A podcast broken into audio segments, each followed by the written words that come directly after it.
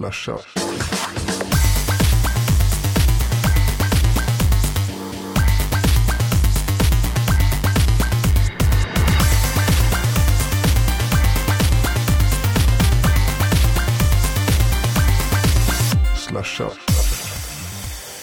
För 118 gången är vi tillbaks. Jag, Jesper och min gode vän Tommy för ännu ett avsnitt av Slashat, din machete i Teknikdjungeln. Där vi kort och gott sammanfattar Teknikveckan som har gått och eh, plockar ut russinen ur kakan och eh, levererar dem. eh, Precis med den härliga lediga tisdagskvällskänslan som ibland krävs. krävs. Härligt och det är skönt att vara tillbaka och skönt att ha med dig ikväll Jesper. För att det, var, det hängde lite på strupen så att säga. Ja, det var ju så. Ni, ni som inte följer oss på de sociala nätverken kanske inte har en aning om vad vi pratar om. Men jag är lite sjuk. Så att jag, jag ska försöka ta mig igenom det här och, och låta så frisk som det bara går. Det smittar ju inte över eten ändå. Så. Nej, Om jag, inte om jag harklar lite eller tappar rösten så får jag veta vad jag ska skylla på. Såvida det inte är airborne. On air. Ja, du vet. Ja, I alla fall, det är den nivån vi kör här. Det är två göteborgare som dricker te idag faktiskt. Vi båda har lite ont i halsen och vitsar till det. Men framförallt så pratar vi om teknik som Jeppe nämnde där i början. Och det är dags för episod 118, eller vecka 118. Denna maratonsändning som har pågått hur länge som helst. Um, vi ska börja med våran vanliga personalia och det är naturligtvis att vi ska prata om förra veckans poll. Om vi inte har någonting annat att gå igenom innan Jeppe. Midsommar på fredag. Ja, nu är det blir nära. Och eh, det är också då jag går på semester. Gött. Då ska vi kick it back lite grann sådär. För du har alltid tidig semester. Ja, jag, jag står inte ut och jobbar till sen semester. Jag måste... Jag har nog oftast gått på semester vid midsommar. Det Mm. känns som det är startskottet. Så det ska nog bli bra. De Starta med chatten en påstår att jag öppnade showen förra veckan, Tommy. Nej, det kan omöjligt vara så. Det, det finns ju bevis på det vi inte kommer ifrån. Så att eh, vi får ta den smällen om så är fallet. Det är så lätt hänt. Eh, Min semester är lite rörig som ni vet. Jag har halvtid eh, och halvtid semester, halvtid jobb just nu och lite pappaledighet. Med tanke på att jag fått en liten dotter som är nu tre veckor imorgon onsdag. Världens sötaste lilla tjej som har börjat lära sig att man ska vara vaken på nätterna. Och då betyder det att jag får vaken på nätterna.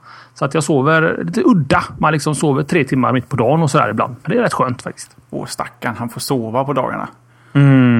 Jo, men, men, ja, men ja, andra sidan på det myntet att jag får inte sova på kvällarna. Eller på nätterna. Så jag somnar liksom vid halv tre och går upp igen vid halv sju. Liksom. Ja, men det är väl lite som när man var 20. Mm, faktiskt, när du, när du säger det. Man gamear fram liksom till två, tre snåret. Sen somnar man och sen går man till jobbet. Ordning och reda. Vad- Du, du sa att det var någon poll på gång här, va? Ja, jag sa ju detta. Förra veckans poll kan jag kanske ta då, eller? Ja, det, det känns som det är nästan din gebit. Så om vi bara switchar på plats på den där så.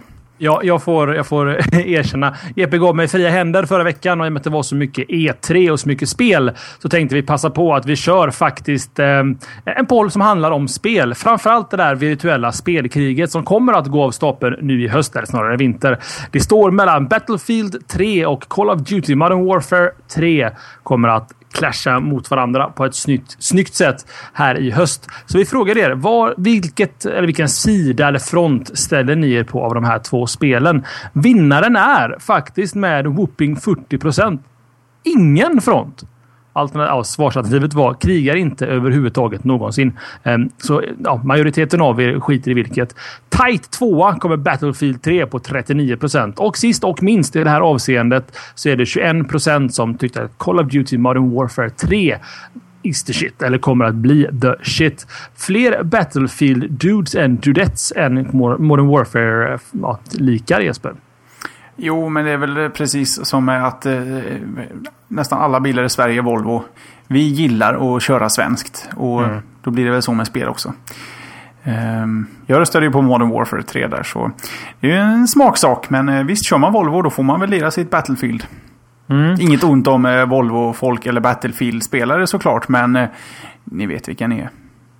Ja, de, de vet vilka de är. Ja, det, det är fantastiskt faktiskt. För att, eh, och jag röstar ju samma som dig och det har väl att göra med att vi har bott ihop under ja, studenttiden är väl kanske att ta i, men under en period. Då, då introducerade du eh, Call of Duty-serien för mig och eh, efter det har det bara hängt med ganska lång tid. Och det, är ju- det är ju, ja. Eh, jag minns, eh, vad, jag gillade med Call of Duty-serien, det var väl att det var... Eh, det första spelet vi spelade var satt i andra världskriget och man parachutade in i Frankrike och, och döna runt. Förbannat roligt va? Ja, Gamla var det första minnen. eller andra? Jag kommer inte ihåg, men det var någon av de tidiga spelen i alla fall. Sen har det väl kanske gått lite upp och ner. Och jag, men jag kan väl tycka att Modern Warfare-serien är faktiskt en av de bättre tycker jag i Call of Duty-serien. Mm. Ja, hellre deras eh, variant än eh, World at War och Black Ops-gänget om jag inte är ute och cyklar nu. Treyarch. Treyarch, precis. Personligen så håller jag andan för Skyrim just nu. Det jag pratade om förra veckan. Om vi pratade, pratade lite spel. Ehm, just, och faktiskt så att jag och min fästmö håller på att dra igenom Oblivion just nu. Bara för att vara ordentligt redo inför Skyrim när det väl kommer. Ehm, och det är, det är inget spel för dig Jesper.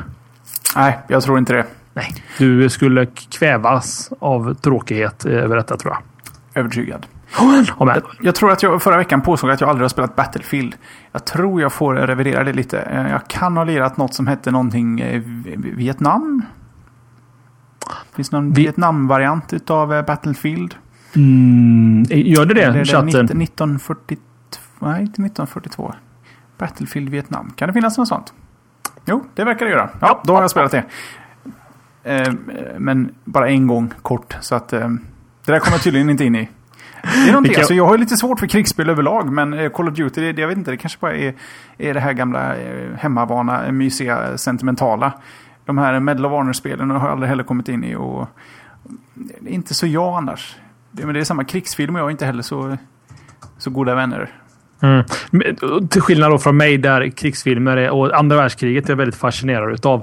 Eh, de här gamla filmerna är det, som typ Örnnästet och A Bridge Too Far och alla de här eh, gamla klassikerna tycker jag jättemycket om att kolla på. Även moderna krigsfilmer. Eh, så att jag är kanske lite mer eh, warmongern i vårat gäng. Eppe, Va? B. Tranberg säger en bra sak i chatten här. Varför finns det inga kramspel istället? Det kan ju vara en genre som B. Tranberg kan ge sig in på kanske. Man får krama ihjäl någon tänkte jag säga. Men ja, varför ska det alltid vara våld? Chatten förresten, bara så att säga som lite parentes för er som kollar på Youtube och ni som lyssnar på podcasten. Eh, vi har en livechatt med oss. Vi är en liveshow som sänds live onsdagar 20.00 med försnack från 19.30. Kram of duty, säger Mattias Bjettner. Kram of duty Jesper. Mm, det finns. Jag tänker på det japanska spelet, eller, eh, fluktarspelet. men ska kliva på en tunnelbana som är trång och sen ska man tafsa på flickor på tunnelbanan. Eh, Jag vet inte om det var ett stort japanskt spel, men eh, det, det finns en trailer på det. Eh, Det kanske tog lite fel rutt där. och De tänkte nu ska vi göra ett mjukt, mysigt spel här. Så blev det liksom ett, ett spel där man utla, utövar eh, olagligheter. Liksom. Ah, konstigt. Vi, vi, vi kan skylla på Japan. De har panty machines på gatan där man kan köpa gamla använda trosor. Ja, man lägger i en slott in maskin. Det, nej, det funkar ju inte Jeppe va? Nej, Jag använder Holland, inte ens trosor. Jag fattar inte vad man ska ha med dem till. Exakt. Och gamla också. Holland har i alla fall korv med bröd med ketchup, senap och hamburgare i sådana eh, slot machines. Där du bara stoppar i en slant och så spottar du ut en burgare även på dig. De har i alla fall använt det till något, något, som- något som inte hör till någon fetisch. Jag, Jag, jag, tror det. jag på, vet inte, man står där och bara mölar vid automaten. jag tror på gickelsen att man har tvättfetisch i Japan. Så får det avrunda våra någon derail här av förra veckans poll. Sa jag onsdag förresten? Så är det tisdagar vi sänder live 20.00. Sa jag onsdag så var det fel. Det är inte onsdagar. Då kommer vi hit på onsdag så är det väldigt tomt. Utan det är tisdagar som gäller. Var vi nöjda med pollen så Jeppe? eller? Nästan. Nästan. Vi har ju en poll till. Just det. Och den står du för. Jajamän. Gammal poll ut, ny poll in och den är relaterad till ett av våra första ämnen här. Och eh, frågan kan inte bli så mycket kortare och enklare än så här. Det är nästan Steve Jobs-kort. Eh, frågan vi ställer är, använder du Dropbox? Alternativen är de gamla klassiska slashat. Eh, absolut och absolut inte. Så eh, ska vi gå in lite mer på det sen. Ja, det finns ju ett ämne rörande detta. Men först har det hänt kontroverser på internet Jesper. Är det så? Mm, Jag är felvänd till att börja med. I take care of that. You take care of that medan jag går in i första ämnet som handlar om ICANs något eh, konstiga beslut i, under gårdagen, det vill säga måndagen den 20 eh, juni 2011. Det togs nämligen ett, ett historiskt beslut och det är att ICAN, ICAN är de som för övrigt styr kan man säga domäner. Det är de som bestämmer vilka toppdomäner som ska finnas. En toppdomän är .se, .com, .net, .org och så vidare. Ni förstår själva. De bestämde i måndags att de kommer att tillåta ansökningar på en ny toppnivå av ett domännamn. Det vill säga att jag skulle kunna köpa under 2012 .tommy eller Jeppe kan köpa .jesper. Till exempel www.tommy blir min domän då helt enkelt. Eller eh, my.car skulle man kunna köpa till exempel. Kostnaden för detta är ju dock saftig för att uttrycka sig milt. Eh, det kostar startavgiften för att få en egen toppnivå är 185 000 dollar motsvarande drygt 1,1 miljoner svenska kronor.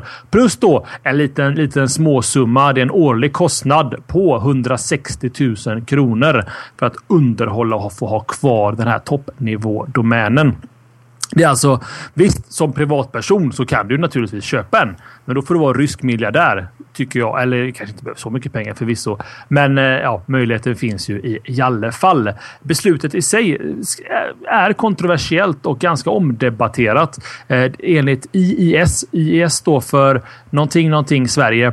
Det är alltså de som sköter .se-domänen i Sverige. Deras vd Danny Ertz holländare tydligen, eh, så ligger det väldigt mycket byråkrati bakom det här beslutet. Till exempel är då att nuvarande ICAN-ordföranden påskyndade det här beslutet för att ja, han eller hon, jag vet inte veta vilket kön det ville bli minnas för det här beslutet. Eh, plus att man ville eh, eh, ha ett existensberättigande för ICAN och dess verksamhet. Man var rädd att FN och sånt där skulle ta över behandlingen av domäner och sånt där. Så man gav sig själv existensberättigande genom att ge sig själva mer jobb. Det är lite av det kontroversiella bakom det. Det tog trots allt nästan sex år av diskussioner. Ehm, Stiftelsen för intranetinfrastruktur står IES för. Tack så mycket i chatten. Eh, det tog trots allt sex år för att komma fram till det här beslutet. Eh, och eh, följande då, som jag kommer, det där är mer nyhetsgrejen. Det har hänt. Nu kommer jag reflektera lite personliga åsikter runt om det här och vad jag tycker. Jag faktiskt kors i taket bloggade lite om det och när Tommy bloggar om någonting så finns det faktiskt så, så ja, betyder det väl någon, kanske någonting jag är väldigt dålig på att blogga generellt sett. Ehm, min tanke bakom detta och vad jag är lite orolig för. Det är just hur det här hur det ska, ska funka rent praktiskt. Vi vet ju inte alla detaljer eh, runt det här, men säg till exempel att ett företag köper .car. Och då sätter de sedan egna regler runt hur .car-domänen ska användas. Blir det ehm, eh, synonymt med att hitta ett bilmärke Eh, att man söker på volvo.car för att komma fram till Volvos hemsida eller domän, vad man ska kalla det för. Så, så kan de diktera egna regler över kostnader, priser. Eh, de kan neka vissa märken och sånt där för att få tillgång till Saab.car eller Lexus.car eller vad det nu skulle kunna vara till exempel. Det blir, det blir väldigt okontrollerad form. ICAN idag godkänner ju inte att vem, vem som helst får ha, får ha en .com-adress. Men då är man i alla fall begränsad till de topplevel-domänerna som vi har. Jag tror det finns ungefär 150 stycken idag. Eh, och plus då att det finns en ganska bra struktur i det vi har idag. Nu låter jag som en gammal typ, naysayer eller eh, vad heter man när man är... Man är Epe, om man, är, man, man, man ser tillbaka på allting. Det var bättre förr. Då är man en... Eh, uh, du är gammal. Nej, fan det finns ett så fint ord för det. Skitsamma, det kanske kommer till och med senare. Eh, inte, bak, inte bakåtsträvare, det heter... Eh, man, är, man är... Konservativ. Tack så mycket Jesper. Konservatist eller konservativ. Um, stofil. Mm. Tack biomekanik i chatten. Chatten är on fire då. Um, vad jag var i alla fall var just det att man vet om det att vill man komma åt Volvo i Sverige så skriver man volvo.se, volvo.fi, volvo.no eller vilket land det nu är i. Vill man komma åt den mer globala sajten så är det volvo.com som gäller. Det finns en bra vettig struktur runt det där och jag kan förstå att det här är en, ett försök faktiskt från ICAN att kväva en ganska spirande andrahandshandel av domännamn. Um, att man köper upp till exempel Volvo.com och sen säljer det dyrt till Volvo och så vidare och försöker ta bort den grejen. Ehm, de snackar mycket om att det här är bra för stora städer. Man kan till exempel ha ehm, sitt företagsnamn .paris eller .Tokyo eller vad det nu skulle kunna vara. Ehm, jag, jag, jag, ser inte riktigt positivt i det. Och som jag är inne på här och filosoferar lite om. Det blir väldigt klurigt om vi använder Volvo-exemplet igen. Vad är det officiella domännamnet för Volvo eh, 2013? Är det www.volvo eller volvo.se, volvo.com, volvo.car, volvo.auto, volvo.cars eller volvo.company? Liksom, det, det, kommer bli extremt svårt att förstå liksom, vad som är rätt domännamn. Um, och Det här betyder också i det långa loppet att egentligen all makt kommer hamna hos domän eller hos sökmotorerna. Ehm, för det är så man hittar till sina domäner idag på många sätt. Och när det inte finns en vettig struktur att följa så kommer Google egentligen eh, eh vad heter det, rule this eh, område helt fri, fritt egentligen. För det är så vi hittar när domänerna blir oanvändbara. Eh, jag personligen tycker att det är ett dåligt system som de har röstat igenom. Eh, och det är ganska intressant det som en av styrelseordförandena från ICAN skriver på Twitter. What's exciting is that we have no idea what will happen. Och det är väl det som oroar mig. Det, det är inte genomtänkt tycker jag lite så.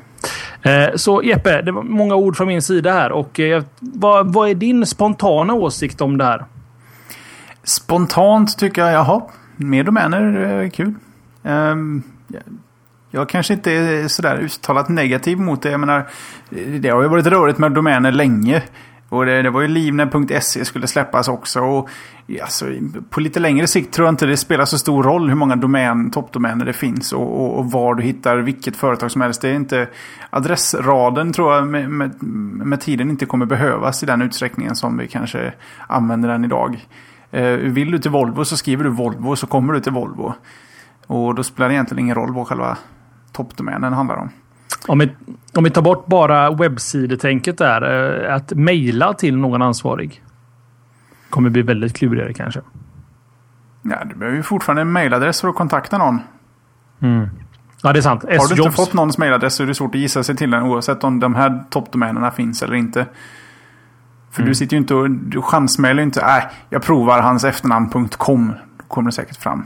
Och det, det, gör, det gör det inte mycket enklare än om det finns massa nya toppdomäner. Så äh, visst, jag förstår ju hur du tänker med att det kan bli lite rörigt sådär. Men jag, för det första så är det ändå en, en liten, en liten tröskel in här med det där priset. Och det kanske håller borta de, de värsta domännapparna. Så jag antar att det är det största problemet man slåss mot. Mm. Um, Nej, jag är med dig. Och priset är ju avskräckande minst sagt. va? 1,1 miljoner. Mm, ja, det är blodigt. Mm. De är lite roliga på chatten här. De tycker att Sveriges Radio kan köpa sr.sverigesradio nu. Det kan de faktiskt. Jag tänker på problemen vi hade här för något år sedan med att de döpte om sig från sr.se till sverigesradio.se. Ja, men det är också en sån sak jag tycker att det, det var väl rätt gjort av dem ironisk. Jag kan tycka att det är ganska vettigt. För att problemet de hade var att ungdomar idag visste inte vad SR stod för. Mm. Nej, jag är inte ironisk. Jag tycker det är bra. Att ha en lång URL betyder inte att det är dåligt. Nej. Om du inte vet vad SR står för, men du vet att Sverige har radio, så kanske det är lättare att komma ihåg sverigesradio.se än en förkortning du inte vet vad det betyder. Sant. Men man kan fortfarande använda sr.se. Ja, utan... hälften av alla programledarna har ju fortfarande inte mentalt gått över till att säga att sverigesradio.se så de måste rätta sig själva i tid och otid. ja, det ser man. Ha, har ni åsikter rörande detta i alla fall så är ju vårt forum en utmärkt plats att diskutera vidare. Ja, lite orolig, men som Jeppe säger, jag hoppas du har rätt Jeppe, att det inte betyder så mycket i slutändan trots allt. Personligen så tror jag att det kommer att dels bli rörigt som jag sa, men jag tror många kommer hänga kvar på .com och .se i vårat fall i alla fall. nu till någonting värre. Ja, vi ska snacka lite Dropbox. Men jag ska bara säga det, jag skulle ha tagit till försnacket. Eh, mm. De har varit snälla på Samsung och lånat ut oss eh, en Galaxy S2. Som vi har recenserat fett på eh, jesper.se. Man kan även hitta den på slashad.se om man är lite intresserad. kortfattat, riktigt nice mobil. Så är ni intresserade av den så finns det en massa skrivet om den. Så kan vi titta på det intressant just det där faktiskt, om bara som en liten parentes här. Att um, vi får ju saker skickade till oss i recensions-X då, som skickar tillbaka sen. Uh, och, men vi har aldrig fått en Windows-telefon. Eller Windows Phone 7. Även om vi har bett om åtskilliga gånger om att få en recensionskopia av en Windows Phone 7. Vad säger det om det OSet? Ja, exakt. Det jag ville komma till. För att leverantörerna ger oss inte det. Vi, vi överöses med Android-prylar och eh, ja, kanske inte iPhone. Det finns inte så många iPhone-devices egentligen.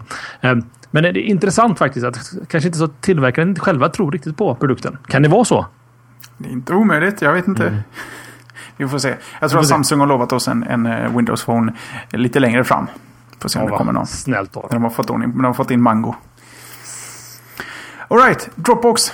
Mm. Har tabbat sig lite. De var i, eh, alldeles nyligen här och var, eh, grottade lite i koden på sin hemsida nämligen. Och ja, kan jag dra lite kort eh, före vad Dropbox är om det nu är så att ni inte vet vad det är. Det är helt enkelt ett, ett program du installerar på din dator och så får du en mapp på din dator som synkas mellan alla datorer där du installerar det på och det finns även tillgängligt på nätet. Så lägger du en fil där så finns den sen på alla dina datorer och även tillgängligt via nätet. Så en sorts eh, molntjänst, eh, hybridmolntjänst får vi väl kalla det. Väldigt enkel, väldigt uppskattad. Jo, de uppdaterade sin hemsida och råkade göra eh, lite, jag vet inte, jag kan ju inte kod och sånt Tommy, men eh, någon liten miss gjorde de som gjorde att du kunde logga in på det här webbgränssnittet där du kommer åt alla dina filer och även återställning av filer du har tagit bort. Det kunde du logga in på med ditt lösenord, utan ditt lösenord, med ett annat lösenord eller med fel lösenord. Du kunde alltså ta det in utan någon som helst. Eh, du kan strunta i lösenordsfältet helt enkelt. En rätt grov bugg skulle jag vilja påstå. Mm. I fyra timmar så låg eh, den här eh, sidan uppe innan de blev uppmärksammade på det här och sen på fem minuter så lyckades de täppa till det där. Och de har ju såklart gått ut och bloggat eh, högt och lågt om att de ber så mycket om ursäkt. Det ska aldrig kunna hända. Och de har redan börjat jobba med att få dit säkerhetsspärrar och rutiner för att det inte ska kunna upprepas. Eh, Tommy. Ja. Jag har ändå försökt sälja på dig Dropbox länge. Och du har alltid tyckt att jag, jag litar inte på att alla andra har hand om mina grejer så äh, hur viktiga saker har man och sådär. Och det är rätt säkert ändå. Jag får inte vatten på min kvarn här. Alltså, shit happens. Det, det är okej. Okay. Alltså, jag, jag är väl den sista som gnäller så det är jättemycket på folk som har problem. Nu har jag i och för sig några hacking lite senare. Um, uh, speciellt kanske lite startup-liknande uh, organisationer som Dropbox som har haft ganska, ja, ganska eh, uh, karri kometliknande karriär i sina produkter. Saker faller lite efter. Det, det, det kan jag förstå på. Um, det är ganska lätt också att göra en sån här miss. Uh, just i det att det är bara att ta bort lösenordsautentiseringen eller att missa någon if-sats någonstans så, så, så är den ju borta. Vad som är mer intressant är att det upptäcktes. För vem sitter och provar fel lösenord? Um, förmodligen var det väl kanske någon som skrev in lösenord och slog in helt fel och bara shit, jag skrev helt fel och jag kom ändå in. Och så kanske det uppdagades. De har ändå en hel del användare och den låg uppe i fyra timmar. Um, så att um, någon borde ju ha märkt det tycker man. Å andra sidan mm. tänker man på det. Man, alla kör ju med lösenordshanterare och autosparade lösenord och sånt i webbläsaren. Man kanske inte tänker på det. Det var ungefär 1% av alla användare som hade, som hade berört kontot under den här tiden. Mm. Um, så att det besöks ju ändå en del. Ja, ja gud. Alltså, men ändå webbtjänsten. Att så många besöker webbtjänsten i sig. Jag menar, jag kan inte komma ihåg att jag har loggat in på... Nu använder jag ju Dropbox ganska aktivt nu för tiden kan också nämnas. Men det är väldigt, väldigt sällan man loggar in på webbaserade varianter. Det är ju från klienten så att säga man loggar in. Ja, det är när jag återställer filer jag har tagit bort som är där. Annars är jag faktiskt inte där inne särskilt mm. mycket. De pratar... mm. Där kör du. Nej, de pratade i chatten om att eh, någon tyckte han skulle revidera sin idé om att, om att köra KeyPass för lösenord och lagra lösenordsfilen hos Dropbox. Och eh, där har jag, jag kör ju OnePassword och den filen har jag faktiskt på Dropboxen för att alla datorer ska använda samma. Nu är den ju ganska så tufft krypterad men eh, det är väl det mest eh, det mest eh, känsliga datan jag har i Dropboxen. Det bör man ju överväga att inte ha kanske. Mm. Nej, alltså det som oroar mig mer. Alltså, nu vet jag inte exakt hur. Tydligen så krypterar ju Dropbox ingenting eh, av datan som ligger på deras servrar. För att då skulle man ju förmodligen haft en kombination av användarnamn och lösenord som någon säker nyckel för din data. Eh, jag trodde nästan att det var krypterat för mig själv. Det kanske inte är och det är bevisligen inte heller. Um, Ja, lite oroväckande. Dropbox har haft dragits med några så här, lite dumma misstag. Eh, till exempel att eh, var det inte att man kunde ta någon annans nyckelfil från datorn och lägga på sin egen dator automatiskt så började din dator synka ner allting som låg på den personens Dropbox. Ja, det var ju det här också med fildelning via Dropbox. Om du bara fick den här lilla, var det någon hashnyckel av något slag? Mm. Ja, men bara någon liten, eh, någon liten, liten, liten bit. Eller en liten bit. En fil på några få bitar. Um, och det, det, alltså, eh, alltså, det är lite... Ja, jag vet inte. Jag, försöker, jag kan förstå att saker kan gå fel, men det är ju jätte, jättelätt att göra testning av sin kod innan man släpper den live. Uh, speciellt om man har så mycket ansvar för saker. In, folks ja, ja, filer egentligen. Det kan vara egentligen vara vad som helst. Den där Dropbox-filen. Alltså, det är otroligt viktigt att ha i alla fall första linjen av försvar, det vill säga lösenord och sånt där, ska ju vara rock solid. Och åtminstone köra någon form av någon testning genom koden. Det är väl självklart egentligen. Så att det är lite slarv och jag är glad i alla fall att de, att de är öppna och transparenta med det till skillnad från många andra företag. Sony. och det tar, tar oss nästan raskt vidare va? Mm. Vi har också några hacking-grejer den här veckan. Eller hack och hack. Eh, Segas spelsida åkte ju på pumpen eh, under den här veckan som har gått. Det är deras Sega Pass som utsattes för intrång och uppgifter med från 1,3 miljoner medlemmar kan ha läckt ut. Intrånget ska ha ägt rum den 17 juni och Sega stängde omedelbart ner sajten och efter upptäckten. Ehm, det här Sega Pass så skickar spelföretaget ut information om nya tjänster till registrerade medlemmar. Ehm, uppgifterna som har läckt ut rör namn, e-postadresser och lösenord. Däremot inga kreditkortsuppgifter. Eh, lite risigt trots allt. Jag menar, en e ens e-postadress är ju faktiskt en, en, en, en värdehandling i många avseenden. Eh, och förmodligen har de här 1,3 miljoner e-postadresserna redan sålts till diverse spamlistor. Eh, I alla fall bra att det inte var några kreditkortsuppgifter. Du är väl ingen Sega-människa Epe? Sega-människa? Mm. Ja, förutom att vara seg då. Ja, ja, precis. Det är väl ungefär så långt då. Mm. Uh, alltså det här är ju helt, är inte så farligt random. Jag minns en, en, en reklam om Sega från det glada 90-talet. Och det, reklamen gick, det var ju kampen mellan Sega och Nintendo. Och då lydde reklamen så här i en tidningsreklam. Sega do what Nintendo don't. Ja, just det, en klassiker. Mm. Ja, det minns jag. Jag stod i mm. ja, någon Sega-tidning när jag var liten. Eh, I alla fall, tillbaka till ämnena. Eh, när vi ändå är då och pratar lite om hacking till vänster och höger så kan man ju inte undvika att nämna Sony och deras PSN-hack. Senaste nyheterna som har eh, surfacat runt detta är en japansk tidning som heter Kojo News som offentliggör dokument som påvisar då att eh, eh, att Sega, eller Sony, förlåt mig, inte Sega utan Sony eh, medvetet höll tillbaka information om Playstation Network-hacket från användarna i nästan en veckas tid. Eh, Sega, eller, Sega, har fått det på nu. Sony försvarar sig med att de vill inte sprida oro i onödan bland användarna eftersom de inte visste huruvida omfattningen var. Men arga användare blir såklart för, mer förbannade på Sony för att man inte direkt sa att okej, okay, det här har hänt eller det här kan ha hänt. Det kan vara så att ditt kreditkort har problem. Snacka med din bank omgående och se till att de höjer säkerheten på kortet eller byter kort eller vad det nu kan vara. Att hålla på sån här information i en vecka som eh, stort företag som Sony är inte helt okej. Okay. Eh, och eh, eh, ja, just det. Och att, och att Sonys toppchef eh, Kazuyo Hirai eh, undanhöll den här informationen på pressträffen. Eh, Sony har väl gjort egentligen alla fel man kan göra Jeppe rörande ett hack, va?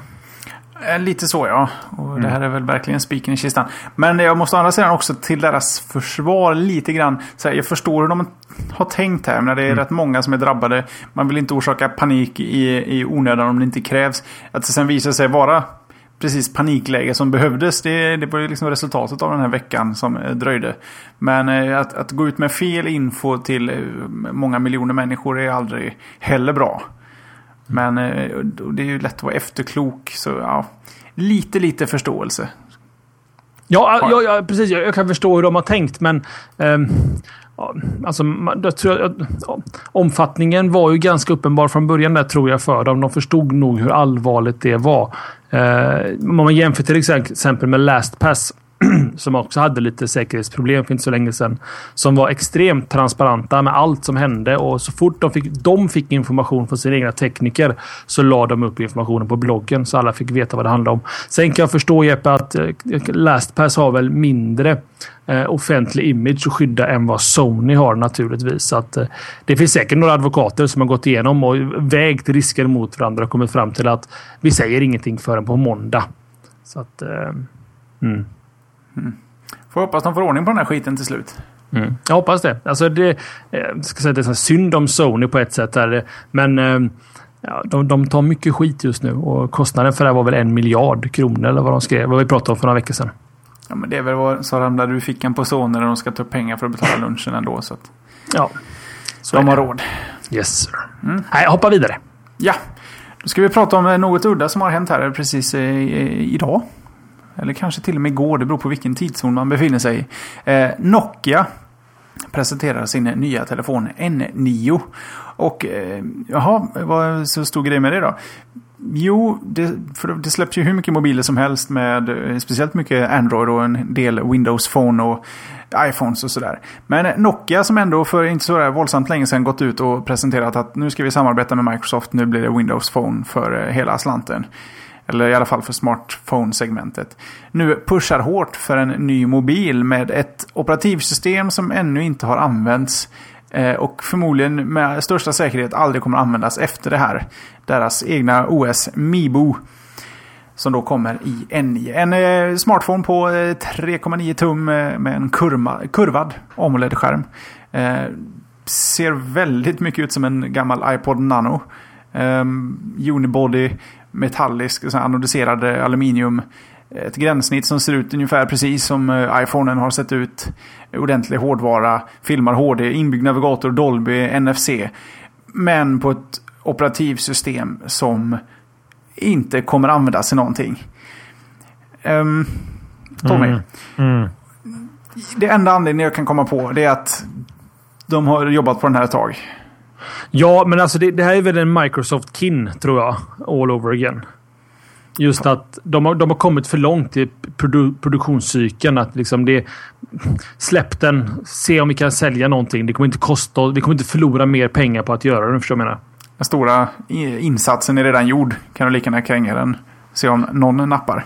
Ja, ja man kan lura några stackars suckers. Nej, men alltså, eh, så ska man inte säga heller. Jag tycker att den ser ju rätt slick ut, gör den väl? Eller? Det, jag tycker det är en eh, riktigt schysst eh, telefon faktiskt. Rent utseendemässigt sett. Och även eh, gräns... Alltså, det här kanske är att svära i kyrkan, men så som eh, gränssnittet ser ut med ikoner och hur de, allting rör på sig.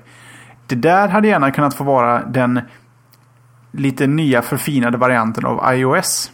För likheten mm. är ju fruktansvärt slående. Och, eh, men här ser det lite mer polerat ut, lite mer minimalistiskt eh, som jag tycker ändå. Det ser jävligt bra ut men jag kan ju... Vem köp, köper den här? Det, Ja, alltså, kan, kan, kanske en konsument som inte är så entusiastiska som vi är över nya versioner. Jag menar, tänk dig de som kommer från, från, från en vanlig gammal dumbphone Nokia och vill köpa någon lite fräckare mobil och se Migo och, gäng, och skiter högaklin i att få updates i framtiden. Liksom. Det funkar som det gör nu och det är man nöjd med. Så, så kanske det finns en liten marknad, kanske en marknad i Asien eller Indien eller någonting för den här telefonen. Eh, men eh, som entusiast och för oss som är inne i både iOS och Android och överhuvudtaget Windows Phone 7-branschen så, så är ju det här dödfött från start. Men det kanske finns någon liten kundgrupp för det. Men jag tror det huvudsakligen som vi är inne på att den är klar, så varför inte bara släppa den liksom? Försöker hitta något eh, sånt eh, MSRP på, på den kan kosta när den kommer, men det är ingen som har. För jag menar, det är en ganska biffig hårdvara i den och, mm. och AMOLED-skärmar är inte gratis. Så det är ju ingen budgettelefon på något på något sätt. Det är en Carl Zeiss-kamera, eller vad heter det? objektivet tror jag. Ja, det har de kört en herrans massa år nu. Men, NFC eh, för övrigt. Ja, de kör ju, det, det är faktiskt lite fräckare. Det, det, är lätt, jag kom på det när jag skrev den här nyheten att det är väldigt sällan vi pratar om Nokia överlag. Men de har faktiskt kört NFC ganska så stort ganska så länge och det bara har vi missat helt. De har ju mängder av tillbehör, Bluetooth-tillbehör som har NFC inbyggt. Ehm, där du bara håller upp mobilen mot headsetet så parar den bluetoothen åt dig. Du behöver liksom inte göra det, du bara håller emot den. Så det var att köra. Och det, sånt där tycker jag man borde få se på, på fler ställen. Mm. Tekniken är ju rätt så schysst. Men jag har faktiskt jag ska jaga Nokia. Jag ska se om vi kan få låna en sån där. Det vore kul att testa. Mm. Ja, Men, gud ja. Eh, tänker inte köpa. Det, då får det vara något i hästväg. Utan tvekan. Det kommer faktiskt lite, lite mer eh, mobilsiffror och sånt lite senare. Så någon mm. form av eh, liten cliffy. Eh, men först ska jag prata Facebook. Det är nämligen som så att Facebook backar lite i USA. Ehm, totalt fick Facebook 11,8 miljoner nya användare i maj. Ja, enligt nyhetstjänsten Inside Facebook. Det är färre än i april Ehm, då 13,9 miljoner nya användare strömmade till eh, sajten. Så alltså lite färre signar upp sig, men det är väl ganska naturligt med tanke på att de som har signat upp sig är ju redan användare naturligtvis. Däremot så har backare i Facebook i USA med närmare 6 miljoner användare i maj från 155,2 miljoner till 149,4 miljoner i slutet på månaden. Eh, de, det sägs också att över 150 miljoner amerikaner har Facebook, vilket är över halva befolkningen. Det finns också ganska intressanta studier som har presenterats ganska nyligen i USA där jag minns inte siffrorna, men en ganska stor procent av alla människor i USA kollar Facebook innan de går upp ur sängen. Eh, och det gör väl även du och jag Jeppe? Va? Inte Facebook kanske, men eh, mailen laddas ner medan jag sätter mig upp, tror jag.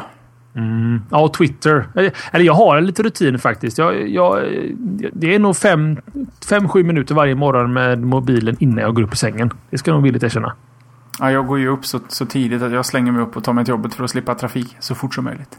Mm. Ja, jag har ju lite annan eh, morgonrutin nu för tiden i och för sig. Men eh, telefonen, nej, men det är ett gött sätt att vakna. Kolla vad har hänt sen sist liksom. Eh, och apropå Facebook eh, och kanske inte apropå Skype, men Skype eh, version 5.5 är släppt i beta eh, och för i Windows-versionen så har de faktiskt tajtat ihop Facebook och Skype i tillsammans. Liksom. Eh, en integration som startade med version 5.0 under förra året. Men intressant är att du kan ha en liten Facebook-ruta i Skype där du kan chatta med dina vänner, gilla och kommentera andras Facebook-status. Eh, och du kan även hitta då vänner som har Facebook som har ett Skype-konto eh, och ringa till varandra. Intressant tilltag från Microsoft, men de har ju ingen traditionell egen social plattform som Facebook. Man kan väl säga att MSN och live-plattformen är en social plattform, men det är ju mer för chattverksamhet naturligtvis. Eh, och Skype har för övrigt då som Microsoft köpte i fredags då så godkändes den amerikanska federala handelskommissionen och justitiedepartementet eh, köpet mjukvarujätten får betala 8,5 miljarder dollar, det vill säga lite drygt då 55 miljarder kronor för Skype. Det är tre gånger så mycket som Ebay betalade för Skype när de köpte tjänsten 2005. Drabbar ingen fattig, men då fick vi i alla fall, Skype-köpet gick igenom. Det var ingen som tvivlade på det egentligen. Facebook och Skype, Jeep. Jag vet inte, alltså, behöver man Facebook i Skype? Eller bakvänt? Facebook vill ju vara överallt och det är väl trevligt om alla appar och, program pratar med varandra sådär. Mm. Men om Skype bara, nu, nu är Windows-klienten väldigt annorlunda från Mac-klienten. Jag vill bara att den ska ta upp mindre yta på skärmen börjar bli lite MSN-vibbar och det lär ju inte hjälpas av att Microsoft är inblandade nu. Um, men det är väl trevligt, eh, antar jag. Men sen är det det här också med att massa funktioner till Facebook. Jag har i alla fall fått för mig för, för egen del att det är lite smutsigt att konstant posta länkar in i sin egen Facebook-feed.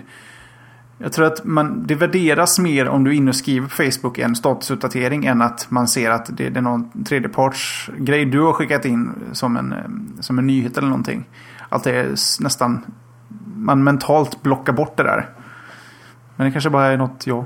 jag Nej, men jag, jag, jag, tror du har rätt. Alltså, jag tror att det, det, det blir, det, det är lite för mycket skvalp naturligtvis. Eh, och det är också det är en trend. Alltså, eh, jag driver själv tugg.nu där man kan trycka upp saker till Facebook från den sajten. Och det är ju ett medvetet val just för trafikens skull. Liksom. Eh, det är viktigt att penetrera mm, andras sociala sfärer. Ehm, och alla tar ju, tar ju, till, tar ju till fasta på det här liksom och försöker komma på egna tekniker för det och eh, användningsområden. Så det blir ganska mycket skvall liksom, överhuvudtaget i feeden. Sen så upplever jag också att eh, Facebook har ju, att man har ju ofta kanske 2, 3, 4, 500 vänner. Att det funkar ju inte att få allas statusuppdateringar och vad den gör är att de försöker se vilka du är mest intresserad av och de syns medan andra sakta faller bort. Det gillar inte jag Jesper. Men vadå, du slår över till senaste så får du alltid dem i ordning. Jo, precis. Man kan ju trycka på den knappen där, där det står uh, Most Recent. Men den står ju automatiskt på Top News hela tiden. Ja, det gör den. Uh, och, och, det, och, det, känns som att man skulle kanske kunna ha lite mer kontroll över Top News-grejen. Att kanske mata in folk där som man alltid vill se saker ifrån. Snarare än att ta bort folk. Det är det man kan göra, va? Krysset och remova. Ja, du kan välja att inte se så många inlägg från en viss person. Men jag tror att det ska gå under någon privacy setting att säga att du vill alltid ha eh, uppdateringar från vissa människor. Men det är ju bökigt att sitta och välja. Det beror lite på hur mycket vänner man har också. Har man fruktansvärt mycket vänner kanske det är helt omöjligt att, och, och följa feeden så att säga. Mm. Um, Jag förstår det. Jag förstår det Jipen. Vi får, eh, ja, vi får se helt enkelt. det är lite ny mark. Har man liksom 600-700 miljoner användare så de är ganska ensamma om problemet med hur, hur gör vi med all denna datan som kommer in. Och de gör väl så gott de kan. Mm, det får vi hoppas. Ja. Jag får hoppas. Um, Microsoft igen då. Ja, tillbaka. så jag gick från ditt mobilämne till... eh, till nej, nu ska jag jag har ju sen ska jag ha mobilämnen. Nej, det var inget. Det var ingen övergång Ja, där. nu Finns förgick du din, din Ja, egen... ja. eh, Hjärnan var för snabb. Mm. Vi har ju pratat lite om att eh, Microsoft eh, planerar att släppa ett eh, SDK för eh, Kinecten. Mm. Och eh, då eh, närmare lite mer tydligt just för Windows. Det har ju hackats och pillats lite i den lilla gräsrotsrörelsen som försöker hitta på massa roliga saker med, med Kinecten på just en dator. Allt från att filma i 3D och skapa 3D-rum från vad kameran ser till, jag vet inte vad vi sett, eh, dirigera orkestrar och övervakningskameror och massa grejer. Nu finns i alla fall ett officiellt SDK för just Kinecten och för Windows. Den är gratis men den gäller endast för studenter, forskare och icke-kommersiell verksamhet. Eh, de har ännu inte sagt någonting om eh, när eller om det kommer att komma någon eh, för just kommersiell verksamhet. Där SDK ger dig då tillgång till lite rådata som den här kameran kan skicka ut. Bland annat djupsensor, färgsensor och eh, alla ljudsensorer som då känner av till exempel var, ifrån, eh, var i rummet saker och ting låter ifrån. Så att du ska kunna sitta två pers och prata framför kameran och den vet vem som är vem baserat på varifrån det låter. Det är lite fräckt. Någonting som heter skeletal tracking. Jag vet inte om det finns något svenskt ord för eh, skelett, skelettisk. Det ordet har jag aldrig sagt i hela mitt liv tror jag. Skelettisk Skelettisk, eh, spår. Skelettisk. Mm. Eh, Skeletal eh, tracking i alla fall. Som då kan följa rörelserna från upp till två personer tillåts man. Jag tror att den har stöd för fler men just det här SDK tillåter bara upp till två. Sen får det även lite ljudfunktioner för brus och ekoreducering och eh, just det här ljudkällavkänning då, att känna var ljuden kommer ifrån. Och lite röstigenkänning. Så ni slashat-lyssnare där ute som tycker sånt här är intressant, hej Kottkrig, det är ju bara att sätta igång på allvar. Nu väntar vi på att det ska komma lite roliga grejer. Kanske framtidens eh, inmatningsverktyg. Ut med keyboard och mus.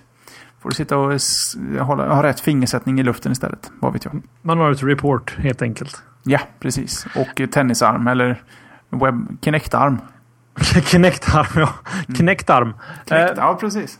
Alltså, min, min eh, grundtanke i alla fall, som jag pratat om några gånger i Slashat, hur jag skulle vilja se eh, utveckling av interfacet som vi sitter vid idag vid en dator. Det, jag tror jag nämnt det innan också. Det är att man skulle kunna ha ett Kinect-liknande enhet som sitter på skärmen som tittar på din hand. Så att du kan göra swipe-rörelser i luften ovanför musen.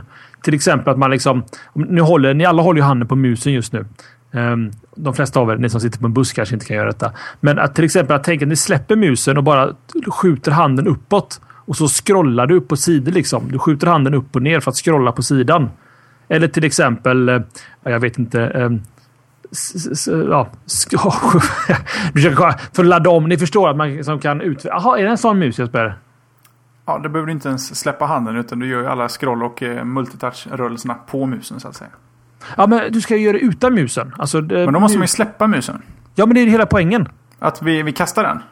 Nej, inte att, den, alltså, att man har ett, ett extra eh, luftbaserat interface som ett komplement till musen.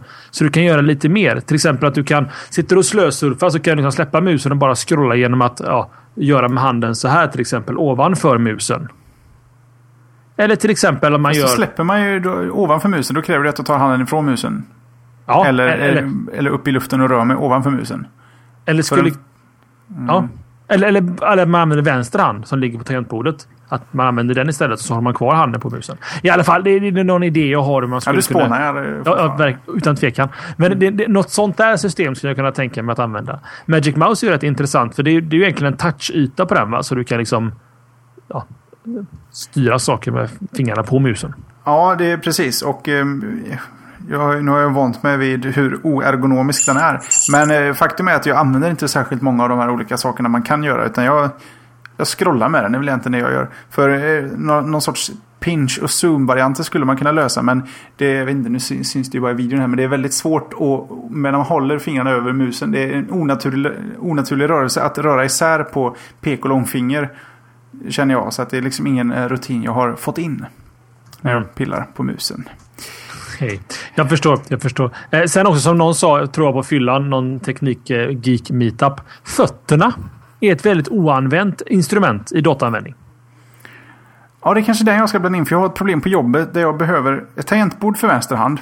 Mm. Och så behöver jag en kombinerad mus och tangentbord för höger hand. Mm -hmm. För jag behöver komma åt den högra sidan av tangentbordet med höger hand samtidigt som kommer åt musen och den vänstra sidan av tangentbordet. Så jag behöver en mus med inbyggd halv högersida av ett tangentbord. Finns det någon marknad för det tro? De skriver Razer Naga. Jag inte vet vad det betyder. Men det kanske är någon... Razer alltså, Naga. Det måste ju finnas andra som har haft liknande Oj. problem. ja, det var numerisk 12 knappar vid tummen. Ja, men där har jag ju. Ja, men det är väl ganska, ganska rätt. Faktiskt. Fast jag, jag är så van med att ha den konfigurerat. Jag har en eh, MX Revolution på jobbet där jag har ett litet scrollhjul som är perfekt för Indesign.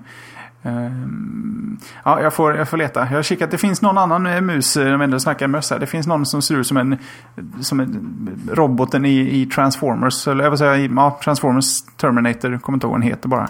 Skeleton mm. eller något sånt där kanske. Um, den har en massa knappar på bra ställen som jag skulle kunna tänka mig att prova. Mm. Kanske Tydligen. dags att uppdatera. Den ser bara så fruktansvärt fånig ut. Det är mitt problem. alltså du vill se cool ut när du sitter och jobbar?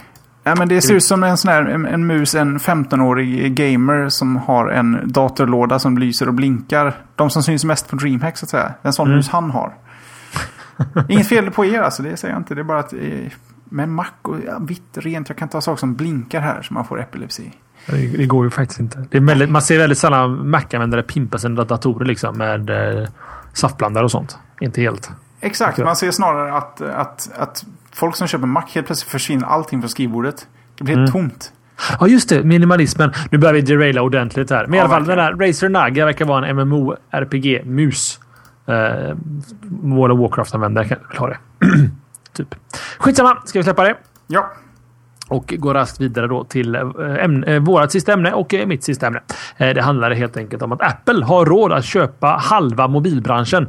Det låter konstigt, men Asymco som är något form av analysföretag rapporterade i vintras att, en, att Apple kan lägga beslag på mer än hälften av lägger beslag på mer än hälften av vinsten i mobilbranschen.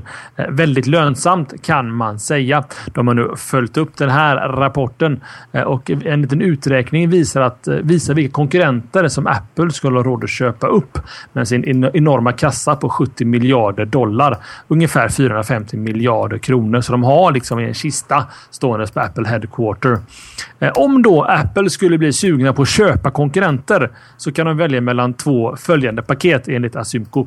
De kan köpa HTC, Nokia, RIM och Motorola Mobility för 66 miljarder dollar. Eller EP så kan de köpa Samsung, LG och Sony Ericsson för blyga 66 miljarder dollar.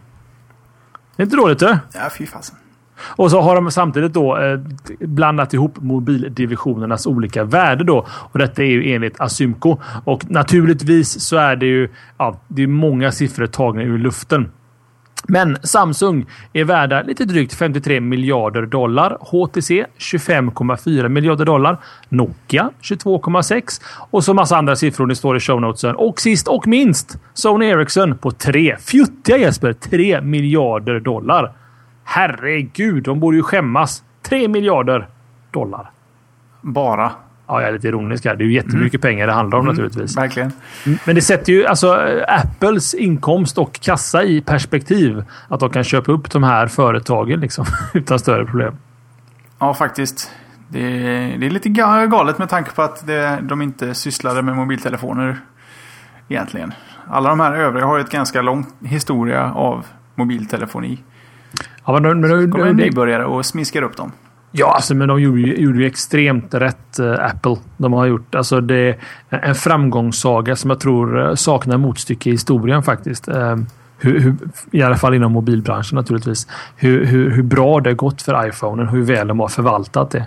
Eh, nu naturligtvis har ju konkurrenterna hunnit ikapp och i många avseenden gått om när man pratar Android och Windows Phone 7 och sådär. Men fortfarande en stor hommage till historien. Liksom. Steve Jobs eh, skapade det här segmentet och de gör ju samma sak nu med iPaden också naturligtvis. Som även den är en, en intressant produkt som man inte använder så mycket som man hoppas på.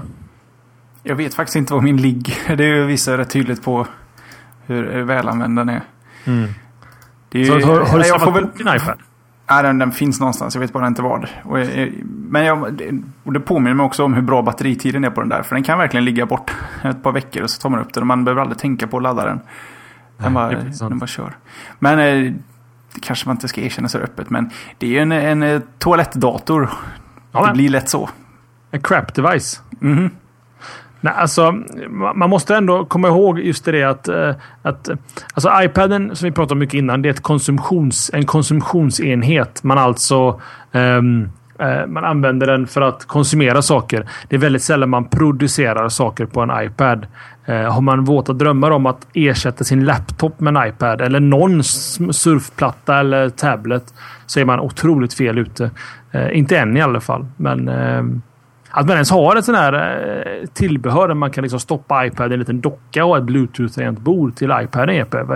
Finns ingenting du känner att du eh, är ute efter eller? Nej, inte direkt. Mm. Jag var uppe på Mediamarkt där för inte så länge sedan och stod och overheardade, vad heter det? Tjuvlyssnade. Mm. Eavesdroppade lite på det var något medelålders par som var inne i Apple-avdelningen. Och pratade med någon säljare så sa de att Eh, ja, vi, vi tänkte vi skulle ha en... Eh, vi har inte bestämt oss. Vi tänkte antingen så ska vi ha en eh, Macbook Pro eller en iPad. Ja. och då känner jag, för det första, jag förstår att säljaren han måste ju dra hela snacket att ja, det är en skillnad och sådär. Men kommer man dit och inte vet vilken av de två man ska ha, då har man inte gjort sin research. Och då tycker jag man riktigt. gör lite illa i att låta handlaren eh, förklara vad du ska. Han kommer sälja det dyraste till dig om man kan. Men det är ju verkligen två fullständigt olika produkter. Men i det här fallet så får de ju det bästa om de vill använda den för datasyften. Liksom. Macbook Pro är ju en bättre data än en iPad. Ja, för det första, Macbook Pro är en dator. Ja, ännu bättre. Mm. Devices for your crap. Eh, vet du vad Jeppe? Vi har, det är lite kortare än vanligt, men så är det när vi båda har ont i halsen och eh, vi ska gå och lägga oss och sova. Ja, precis så. Men en, en timme blev det i alla fall trots allt. Ja, men det är en god timme. Jag tycker vi har täckt, eh, täckt in mycket. Mycket om mycket. Eh, ska vi se, vi har, vi har väl inget mer på agendan nu va? Det är väl egentligen bara att sakta fejda ut oss. Du kan ju berätta lite om den sociala länken. Ja, just det. Vi finns ju numera på slashat.se social där ni har länkar till våra bloggar, Twitter, Facebook, eh, vårt forum, eh, våra videoreportage och eh, lite allt möjligt. Om ni vill följa oss även de andra dagarna i veckan. Mm. Och annars är det väl inte så mycket att säga. Jo, eh, glad midsommar får vi säga. Ja, glad midsommar allihop. Skål och ta det lugnt med snapsen eller inte. det, det, det, det, är valfritt. Vi kommer inte ta det lugnt med snapsen utan vi, vi syns eventuellt här på tisdag nästa vecka. 19.30 som vanligt på slashat.se. Jeppe tar hand om sig, jag tar hand om mig och ni tar hand om varandra. Så syns vi igen nästa vecka. Ha det gött! Adjö! Adjö! Slashat.